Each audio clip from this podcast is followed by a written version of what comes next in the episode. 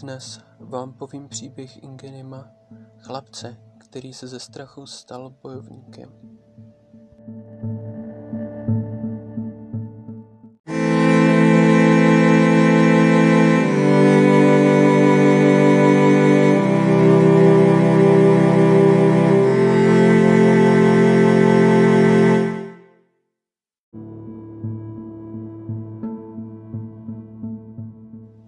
Čtyřicet osm, čtyřicet devět, padesát. Zdychl Ingenim vysíleně. Pouštěje se silné větve vzrostlého dubu na kraji lesa. Lehce dopadl do měkké lesní půdy a usadil se ve stínu onoho stromu.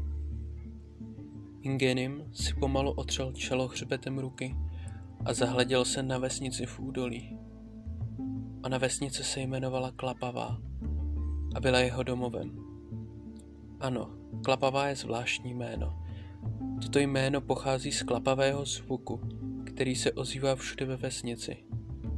Tento klapot je způsoben vodními koly, jež jsou na říčce Jitřence po celém proudu ve vesnici. Ingenim zívl, protáhl se a zamířil po tenké pěšince směrem k vesnici.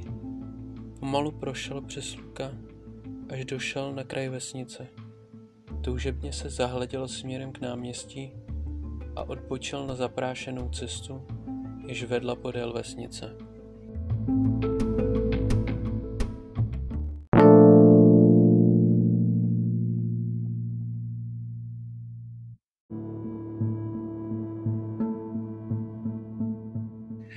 Jsem doma, zavolal Ingenim, zatímco zavíral dveře chudé chýše. Vítej zpět, zaznělo suchým hlasem od ohniště. Ingenim přispěchal k postavě u ohně. Měl bys odpočívat, matko, pravil. Když nebudeš odpočívat, tak bude nemoc postupovat rychleji. Radši umřu dřív, než abych pořád ležela v posteli řekla jeho matka překvapivě pevným hlasem. Jak myslíš? Odpověděl Ingenim.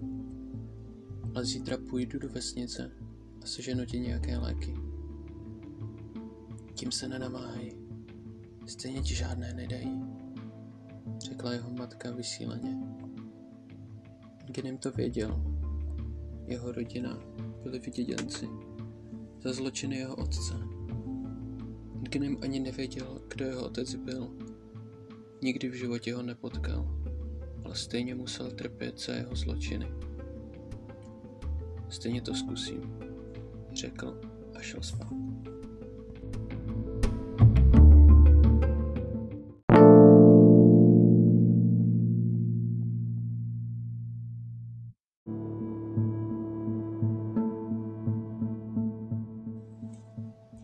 Druhý den vstal brzy ráno, vyplížil se potichu z domu. Věděl, že by se mu matka pokusila zabránit v odchodu. Doufal, že se mu podaří zachytit nějakého z kupců z dalekých zemí, kteří ho neznali a nevěděli, že je vyděděncem. Rychlým krokem se vydal směrem do vesnice, přeběhl přes most a již mířil k náměstí, kde obvykle kupci rozkládali zboží.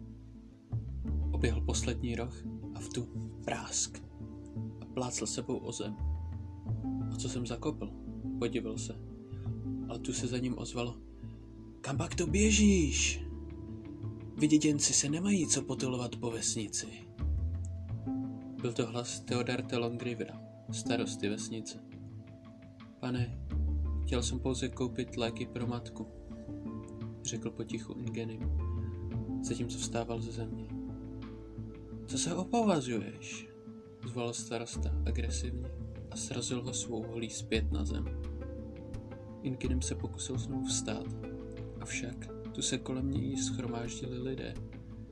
Začali na něj nadávat a házet po něm věci a být ho. Inkinem se skoulil do klubíčka. Trpěl nad naším promarněným dnem.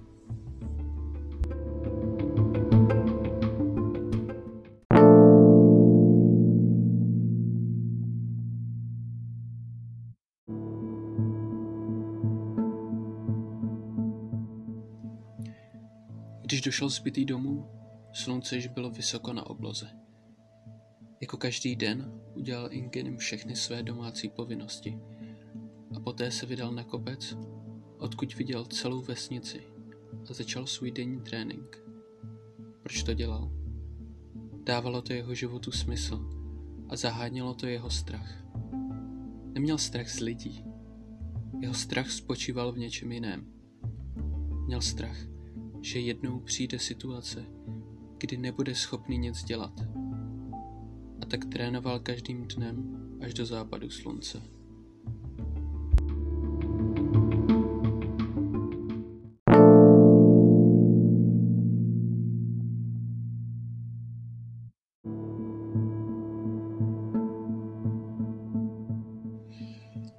Po západu slunce se vrátil domů a nalezl svou matku sedět u krbu. Vypadala nemocněji než včera a v něm se probudil strach. Strach, že jeho matka zemře a on proti tomu nebude moci nic udělat.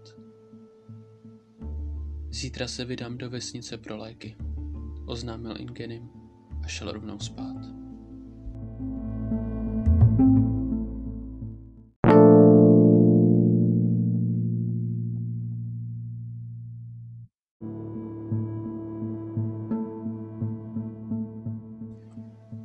Další den znovu vstal časně a rozběhl se rychleji než kdy předtím do vesnice. Běžel, přeběhl most, oběhl roh domu a prásk. Plásl sebou o zem.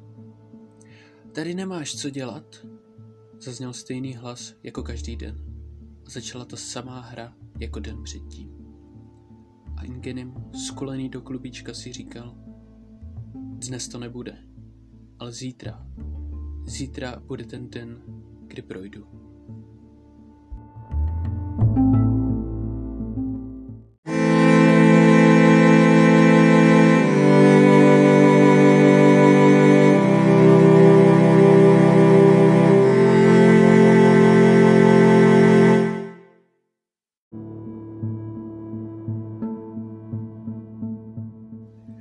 Toto byl dnešní příběh.